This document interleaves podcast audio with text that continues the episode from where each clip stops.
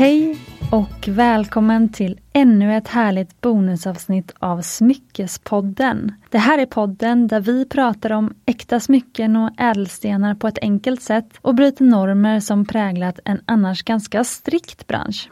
Jag som talar heter Cecilia och jag grundade ett smyckesmärke som heter Mumbai Stockholm för sju år sedan. Och en av de vanligaste frågor som vi får av kunder efter köp är Hur ska jag ta hand om mina smycken? Och därför tänkte jag att det är ett ypperligt tema att göra ett bonusavsnitt på. För det finns ju flera olika sätt som ett äkta smycke kan slitas ut på. Det är dels metallen, alltså guldet eller silvret, som kan bli matt eller repig. Och då förlorar den liksom sin lyster och glimrar inte längre sådär härligt. Och Det finns några sätt att förhindra det här på. Och det är egentligen ganska enkelt och det kommer jag gå igenom i det här avsnittet. Men sen har vi det här med ädelstenarna. Hur kan man förhindra att de slits? Och det är lite klurigare. För det är faktiskt lite som att ge samma tvättråd till alla kläder. En opal och en rubin tål till exempel inte riktigt samma typer av behandling. Precis som att en stickad kofta inte tål samma användning eller tål att tvättas på samma sätt som ett par jeans. Men sen har vi också det att till och med kan skilja sig mellan samma ädelstenar. Alltså en rubin av låg kvalitet tål inte samma behandling som en rubin av hög kvalitet. Du kanske har hört om att många sämre rubiner med många inneslutningar, alltså de här naturligt förekommande sprickorna, fylls på med glas innan de säljs på marknaden.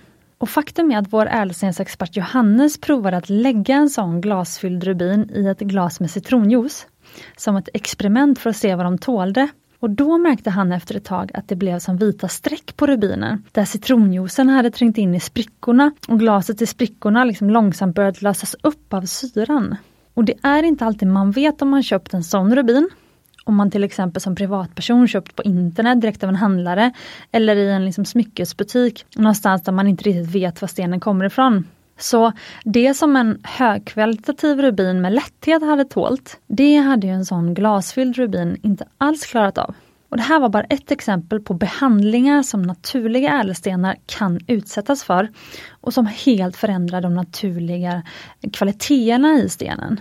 Och hur ska man som privatperson då kunna veta om man köper en högkvalitativ ädelsten eller inte? Det är ju svårt. Men mitt största råd, förutom att känna efter om du litar på personen som det handlar av. Du kan ju till exempel göra tankeexperimentet, skulle jag lämna mitt barn eller min hund till den här personen i några timmar? Om ja, så är det ju en stor indikation på att du också skulle få bra stenar. Men sen så bör du också se på priset. Högkvalitativa ädelstenar är dyra, även för oss på Mumbai. Och du får helt enkelt vad du betalar för. Så om priset verkar för bra för att vara sant så är det antagligen så.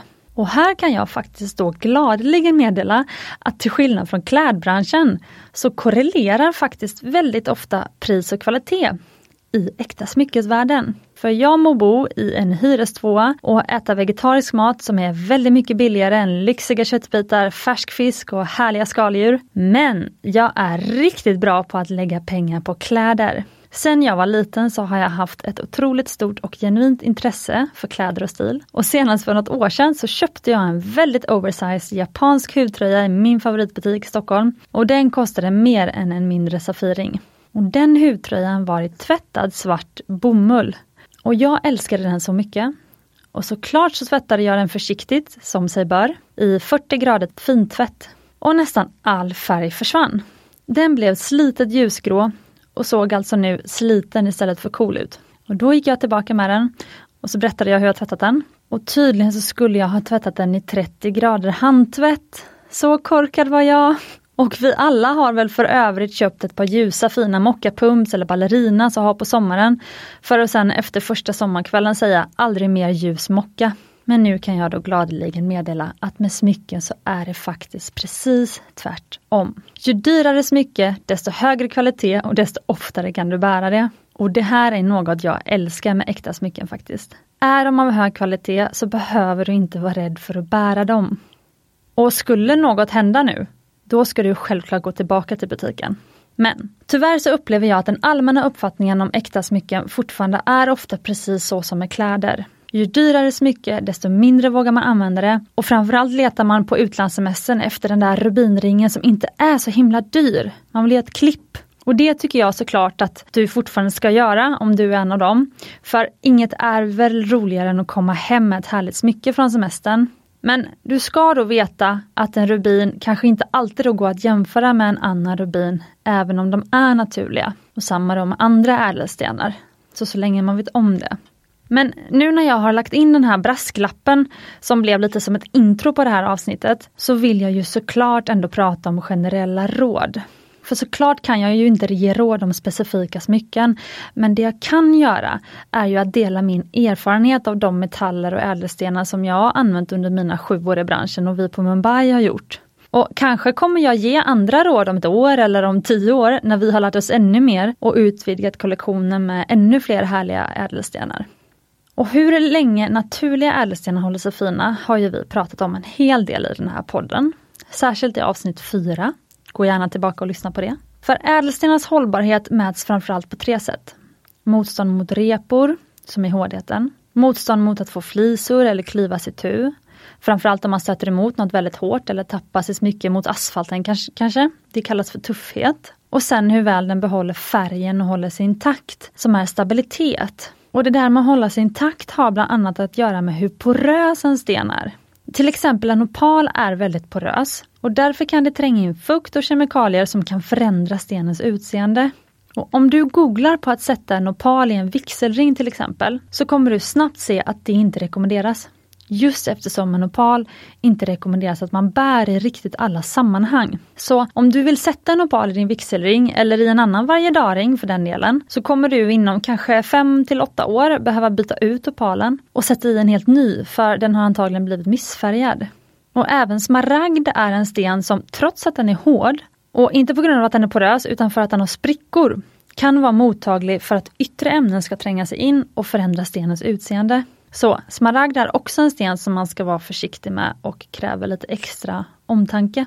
Det här är ju som ni hör ett ganska komplext ämne. Och det jag kommer att prata om nu är hur du kan sköta om dina nyinköpta äkta smycken med hårda hållbara ädelstenar. Och vilka ädelstenar som jag menar när jag säger hårda och hållbara kanske du som lyssnat på avsnitt 4 redan kommer ihåg. Men jag drar dem igen.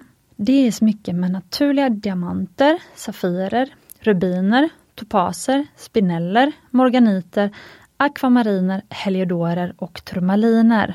Alla de här är ädelstenar som vi använt i många år och som jag känner mig trygg med att ge råd om baserat i alla fall på vår erfarenhet. Och du som är uppmärksam kanske noterar att jag inte nämnde kryssoberyll Och det är en hård sten, men vi har inte använt den så mycket. Så därför vill jag inte ge råd om den. Men om du som lyssnar har en sån sten och har använt den mycket i ett smycke, eller om du är guldsmed eller steninfattare som jobbat mycket med kryss och beryller. så hör gärna av dig till mig så kan jag dela det i nästa avsnitt av podden. Dina tips. Jag nämnde inte heller smaragd. Och det är som sagt för att den har så mycket sprickor naturligt och är en skörsten och den har inte samma skötselråd som de andra, trots att den också är en hård sten. Det jag kommer att prata om nu gäller inte heller antika smycken. Det gäller inte smycken med organiska ädelstenar som pärla och korall om du har det hemma. Smycken med mjuka och sköra ädelstenar. Smycken med syntetiska ädelstenar. Smycken med lågkvalitativa naturliga ädelstenar som har genomgått kraftig behandling, som till exempel rubinerna som fick sina sprickor fyllda med glas. Eller stenar som utsatts för kraftig färgbehandling för att förbättra sin naturliga färg. Och en lågkvalitativ ädelsten kan även vara till exempel en akvamarin men som har väldigt mycket inneslutningar. Så den får inte ha för mycket inneslutningar för då kan det ju tränga in saker i stenen som förändrar den. Och till sist, det gäller inte heller oäkta smycken eller guldpläterade smycken där guldhinnan slits bort. Och varför inte de här? Jo, det är för att i allmänhet så måste du vara mycket mer försiktig med antika smycken eftersom de kan vara utslitna och inte anpassade för daglig användning. Smycken med syntetiska eller kraftigt behandlade ädelstenar, de vet man inte riktigt hur de är behandlade och alltså hur de reagerar på olika situationer. Smycken med organiska ädelstenar, alltså ädelstenar som görs av en levande organism, till exempel en mussla där pärlor kommer ifrån. De är både mjuka i sig själva, men sen så sätts organiska ädelstenar ofta med lim i smyckena och limmet kan lösas upp under rengöring. Och oäkta smycken, de kanske inte tål till exempel vatten för att de rostar. Och så vidare. Men generellt så vill jag säga att du alltid ska kontrollera med butiken där du köpte smyckena om specifika instruktioner. Den här podden är ju till för att sprida kunskap, men det kan finnas mycket undantag där ute. Så kolla ändå allt direkt med din guldsmed eller butik innan du följer råden som jag kommer ge nu. Så se det här poddavsnittet mer som en inspiration och kunskapsbank. Men det här har varit ett önskeämne i podden så jag ville såklart ta upp ämnet. Och trots att det här, hur man tar hand om sina smycken, är en av våra vanligaste frågor så är det kanske bara en av tio kunder eller färre som faktiskt ställer frågan. För när man fått hem sitt nya smycke så är ju ofta målet uppnått, alltså att äntligen få bära den där ringen. Och mitt i allt det så kanske inte skötsel är det första man tänker på. När man får hem sin nya ring så är ju det enda man ser hur vacker den är, hur stenarna glittrar och man vill alltid ha den på sig. Man kanske till och med sover med den om du är som jag. Och Det har jag gjort när jag har haft en helt ny ring som jag blivit kär i. Man vill liksom bara göra den till en del av sig själv. Men sen går tiden och man börjar pyssla på i vardagen. Man går och handlar och drar på sig vantar om man bor i kyliga Sverige på vintern. Man bär hem matkassar. Man lagar mat. Man kanske gör en dressing och det blir kladdigt. Man diskar, man går ut med hunden, man tar upp gitarren och övar på sitt eh, fingerplock, ett projekt som man kanske tagit upp under det här året. Eller så tar man fram oljefärger eller vattenfärger och fortsätter på sin målning. Man kanske åker till fjällen över helgen och åker skidor, man bakar bröd och så sover man såklart. Och på sommaren så åker man och badar, man cyklar, man påtar i trädgården och odlar. Man snickrar upp en hylla eller ramar in tavlan man målade. Man kör bil, man åker till Byggmax, man leker med barnen eller andras barn. Och plötsligt tittar man ner på sin hand och inser att ringen inte alls glittrar och skimrar så som den brukade. Vad hände egentligen? Och vad kan man göra åt det? Vi lever våra liv helt enkelt. Och det är ju meningen att ringarna ska få hänga med på det här. Alla smycken för övrigt. Och vissa av oss är ju sådana som bär våra smycken hela tiden. Och vissa är tvärtom. Man är så försiktig att man nästan aldrig vågar ha på sig dem. Jag brukar säga, var inte rädd för att bära dina smycken. De är till för att bäras. Ringar kommer till liv när de sitter på ett finger.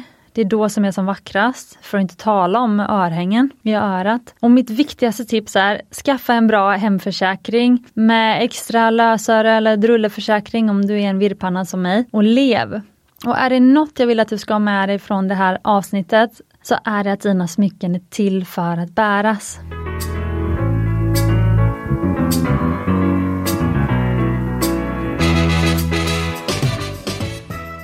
Men nu ska du få veta precis hur du bäst tar hand om dina smycken så de håller sig vackra genom hela livet och alla årstider.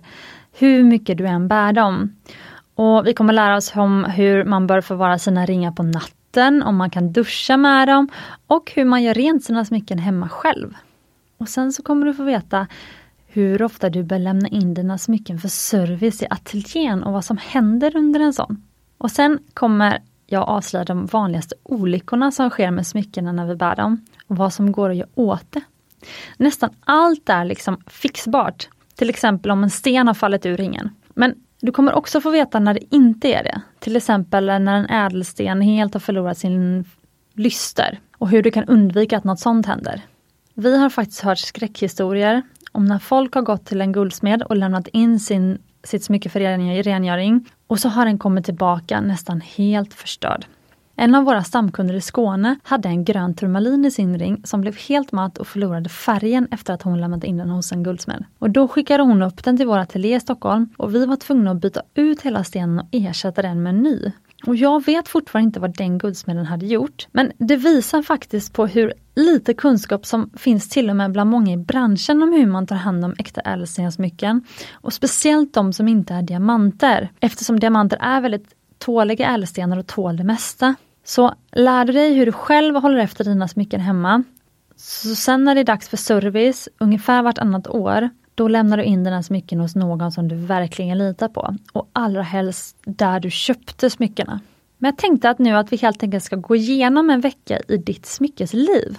Och nu utgår jag då alltså från en ring som är ett äkta smycke som är gjord helt och hållet utav ädelmetall, guld, silver eller platina och som har äkta, naturliga, högkvalitativa, hårda ädelstenar. Och det börjar med att du får hem din nya ring. Den glimrar och är supervacker och du vill bära den hela tiden. Och det kan du faktiskt nästan göra.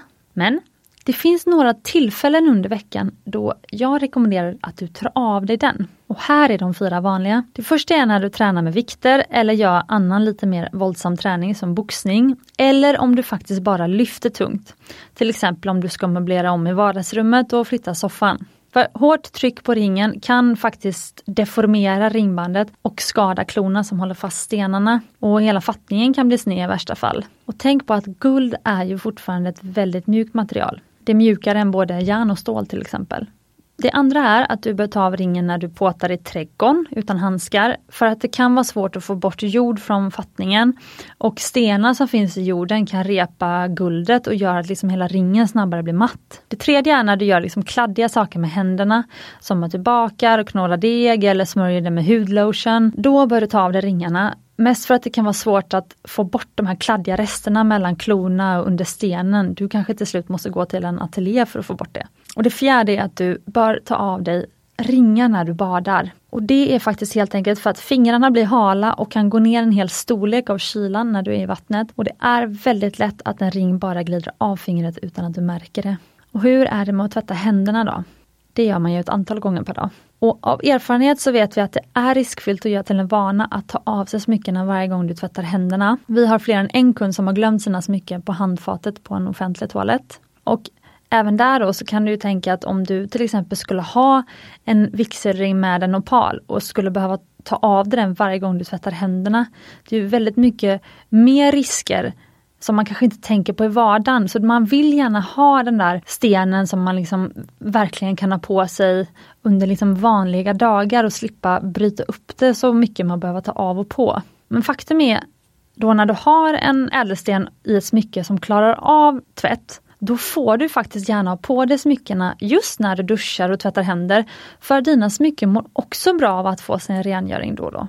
Tänk bara på att skölja händerna noga så det inte sitter tvålrester kvar för då blir stenen matt och tråkig. Och i de här tiderna så funderar en del på handsprit. Tål ringarna det? Och självklart så kan jag inte veta precis vilket märke du använder och eh, kemikalier kan ju påverka framförallt ädelstenarna. Men jag brukar duta handsprit på händerna flera gånger per dag och det funkar fint för mig och alla de ringar som jag använder. Jag kanske inte försöker få spriten direkt på stenarna utan försöker liksom ja, få det mest på guldet bara. Men jag vet att silver har en tendens att reagera mer mot vissa kemikalier och vi hade en guldsmed som fick sina silverringar färgade mörka av handsprit. Men när hon bytte till ett annat märke av högre kvalitet så funkade det jättebra utan att silvret blev påverkat. Så om du märker att dina silversmycken blir mörkare av handsprit så bör du prova ett annat märke är min rekommendation. Och det mörka är för övrigt något som du kan putsa upp om du lämnar in smycket i en ateljé. Så, nu vet du när du inte ska bära dina smycken. Och med andra ord också att du kan bära dem nästan hela tiden. Och det här är något som jag tycker är bland det allra bästa med äkta smycken. De kan bli omgjorda, lagade och upputsade igen och igen. Om något händer så behövs oftast bara en tur till guldsmedsateljén så blir det lagat och smycket blir som nytt igen. Men det kan kosta en slant och av den anledningen så vill man ju undvika det. Men faktum är att många guldsmeder livnar sig på att i princip laga och göra om gamla smycken. Ofta behöver man bara värmen från en låga för att ladda ihop trasiga delar igen. Och jag vill såklart att du ska använda dina smycken varje dag om de är gjorda för det. Men med daglig användning kommer ju också behovet av att hålla efter dem. Och förresten, även om du inte skulle bära dina smycken varje dag utan mest ha dem hemma som en samling, så behöver du då istället tänka på hur du förvarar dem. Och de här två sakerna ska vi prata om nu.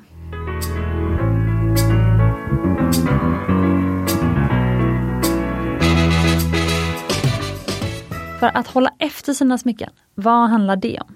I stort sett handlar det om rengöring. Gör gärna till en rutin att rengöra dina smycken varje vecka. Mer än bara den snabba rengöringen vid handtvätten alltså. Och det här gör du enklast med en skål med riktigt varmt vatten, handdiskmedel och en tandborste.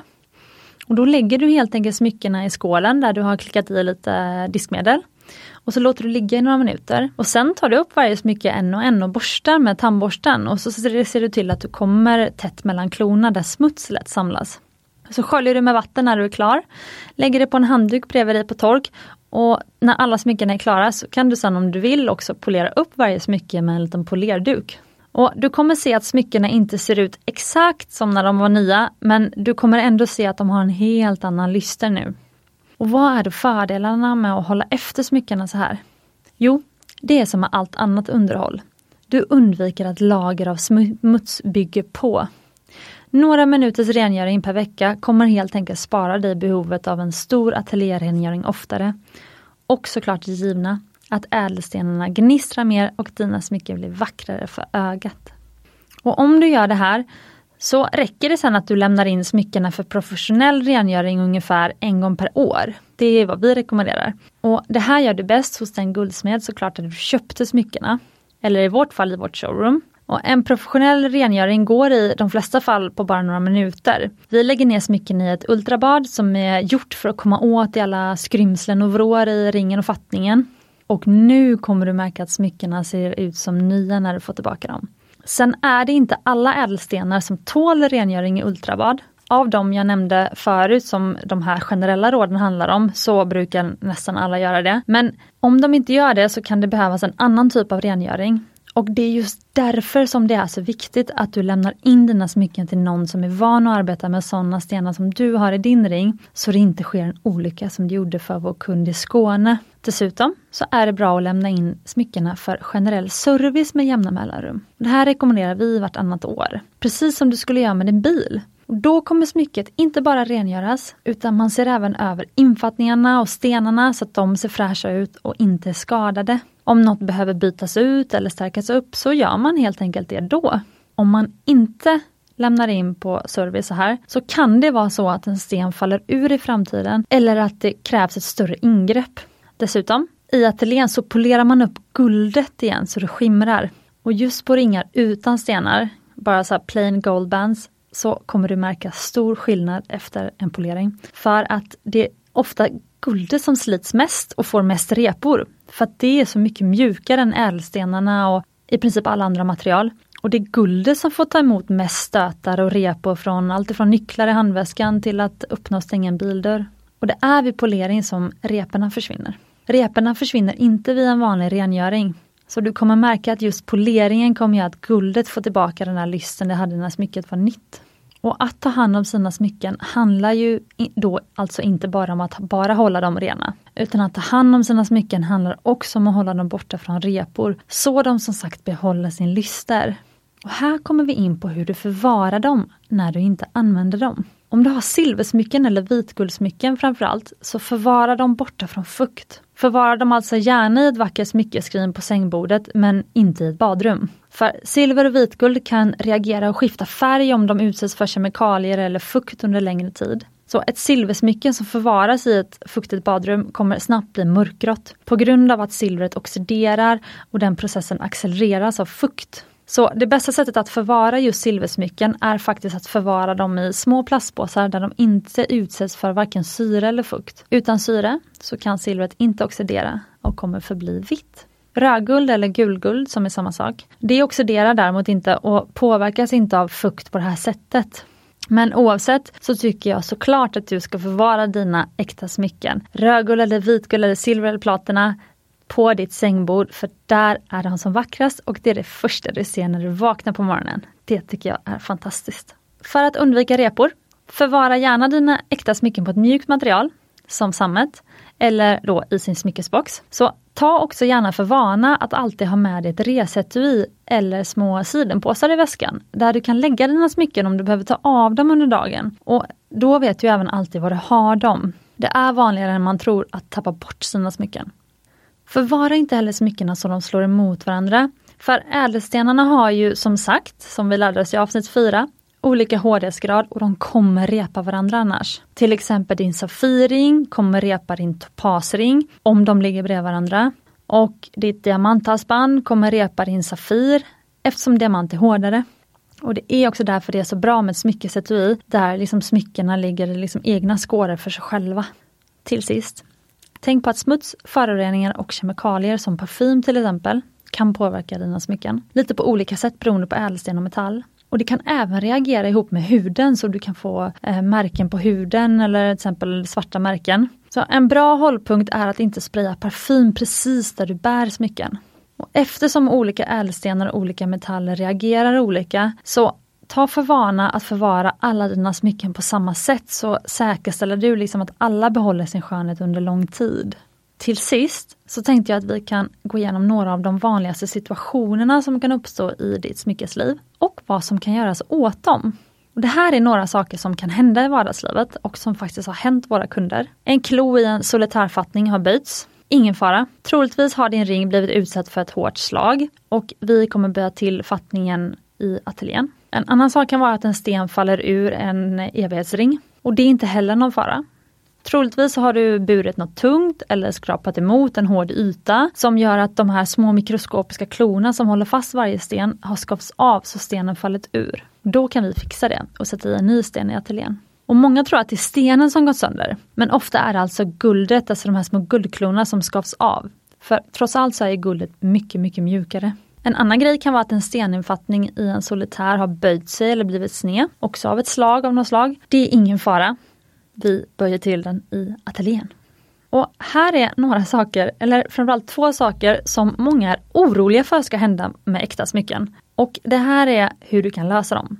Man tror att en stor sten ska falla ur helt, därför vågar man inte välja en stor sten. Och det här händer väldigt sällan i en ring. Och händer det så bör du gå tillbaka där du köpte den. Då är det något som hänt med steninfattningen och eh, det kan vara att det inte var bra kvalitet eller att du har liksom slagit i någonting. Men generellt så faller inte bara en stor sten ur en steninfattning. Det andra som man är orolig för är att man ska glömma ringen i omklädningsrummet någonstans. Och då säger jag så här, ha alltid en bestämd plats i väskan för dina smycken. Ha en ask, en liten sidenpåse eller jewelry case om du har många ringar. Som du alltid lägger smycken i när du tar av dem. Det har i alla fall jag, för annars är det omöjligt att hålla koll på dem. Och jag har förlorat två ringar vid två olika tillfällen när jag har varit och tränat. Just för att jag slarvat med att lägga dem på den här bestämda platsen. Och med allt det här sagt, be om specifika skötselråd från butiken där du köpt smyckena. De är ansvariga för att ge dig rätt skötselråd. Och jag hoppas att det här bonusavsnittet har gjort dig motiverad till att ta hand om dina smycken så de ser riktigt fina ut under lång tid. Och även att du nu känner dig trygg att bära dina smycken. För det är ju så smycken blir som vackrast, när de är burna.